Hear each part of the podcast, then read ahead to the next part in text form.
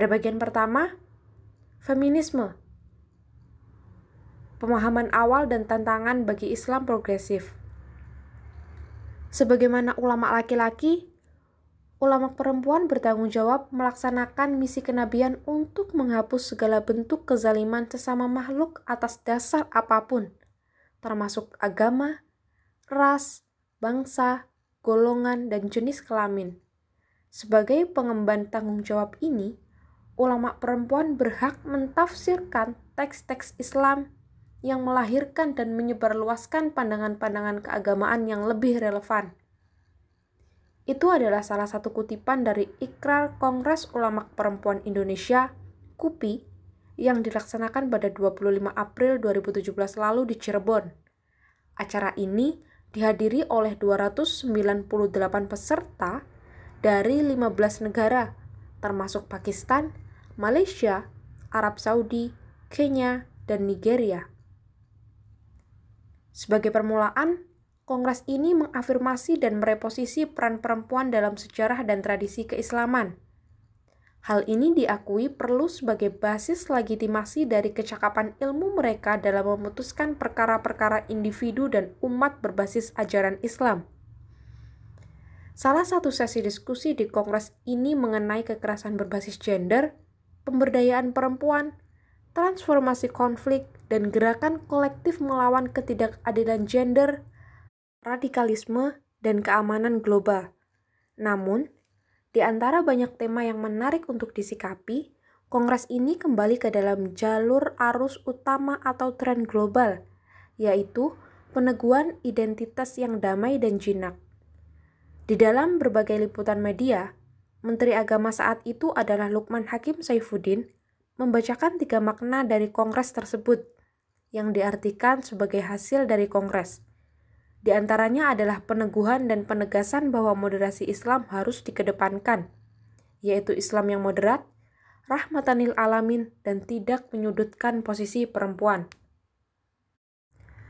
Dengan hadirnya beragam ulama perempuan mancanegara melalui KUPI, Peneguhan identitas dan afirmasi atas legitimasi keilmuan dan posisi mereka adalah suatu pernyataan yang penting.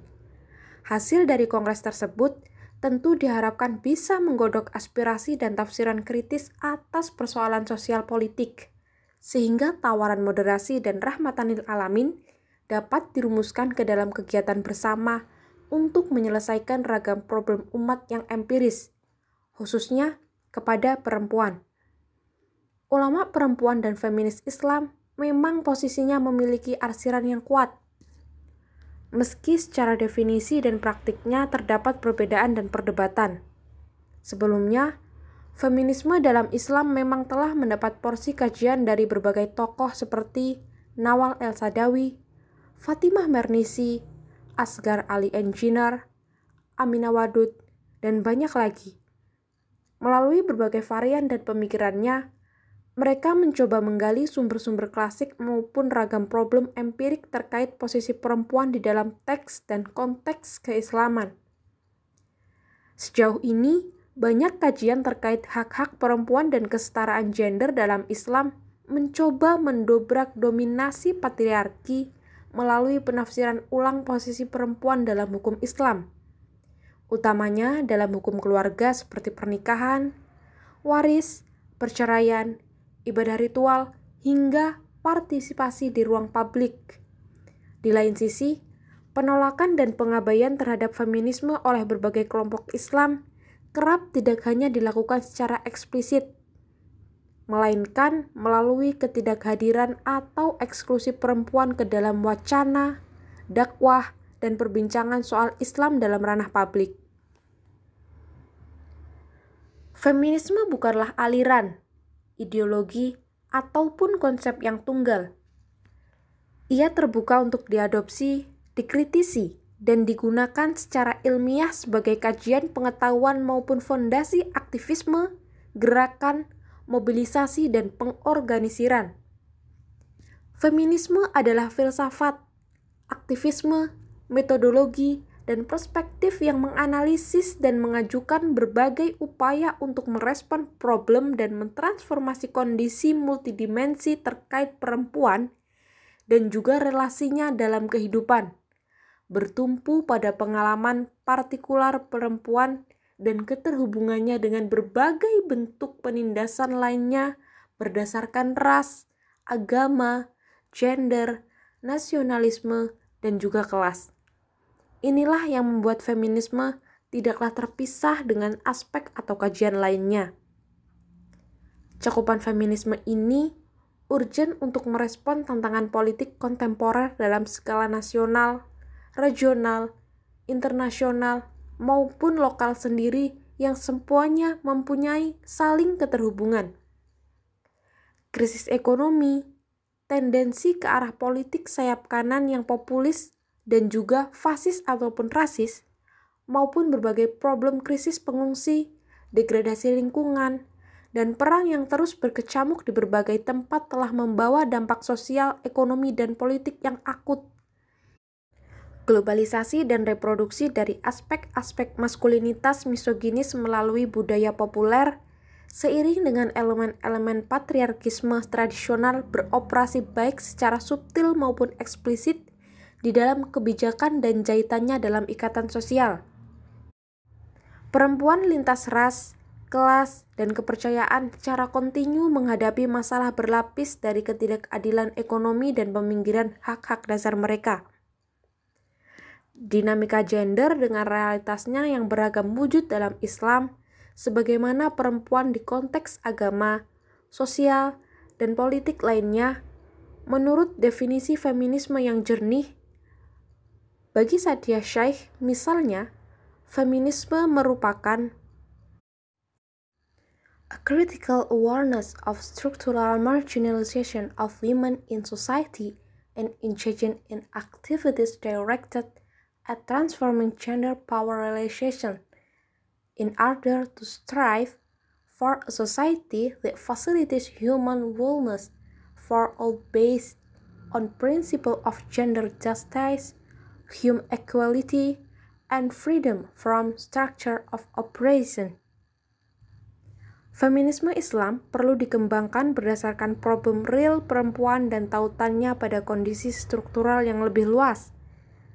Seiring dengan upaya menggali aspek-aspek teologis dan idealis, kritik feminisme Islam terhadap feminisme Barat yang sangat barat sentris, bias global north, yang didominasi oleh pengalaman perempuan kulit putih terutama kelas menengah, merupakan hal yang valid ketika berkonsekuensi pada produksi pengetahuan yang menafikan pengalaman dan pengetahuan perempuan yang partikular di Global South, terutama karena pergulatan mereka dengan kolonialisme dan imperialisme.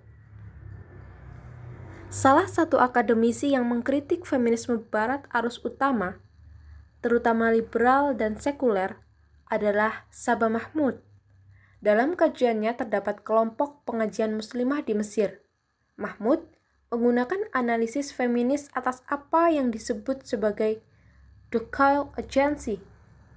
Analisis ini memungkinkan Mahmud untuk mengeksplorasi berbagai cara yang dilakukan perempuan untuk bernegosiasi dan melawan dominasi kaum pria di tengah struktur subordinasi melalui upaya subversif terhadap praktik-praktik kultural yang hegemonik untuk kepentingan kaum perempuan. Melihat dari perspektif ini, berarti kita memberi perhatian pada keberagaman agensi perlawanan perempuan dalam karakter masyarakat yang berbeda-beda. Sehingga kita dapat terhindar maupun dapat mengkritisi reduksi atas makna atau teori soal kekuasaan mengapresiasi agensi muslimah di tengah keterbatasan sistem dan struktur lingkungan masyarakat atau kelompok Islam yang cenderung konservatif dapat dilakukan sebagai pengakuan atas Dukail agensi yang dilakukan oleh Sabah Mahmud sebagai perlawanan dalam kehidupan sehari-hari.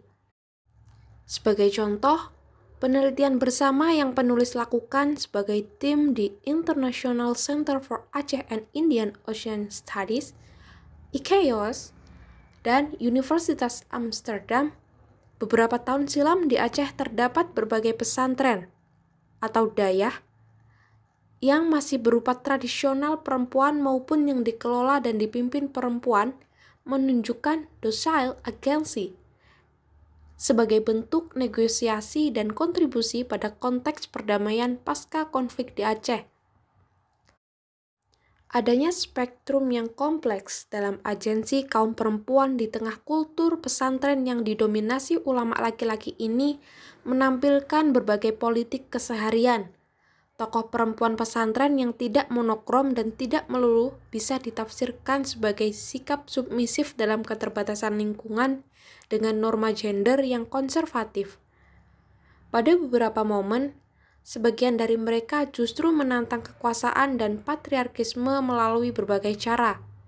Tantangannya adalah bagaimana peran domestik mereka dalam kehidupan sehari-hari yang kerap beriringan dengan kegiatan ekonomi dan politik di ruang publik mampu memberi ruang intervensi untuk bergerak secara bersama dengan agenda transformasi yang lebih mendasar di tengah perubahan sosial yang terjadi di Aceh. Inti dari pijakan ini adalah konsep reproduksi sosial yang mengiringi kapitalisme.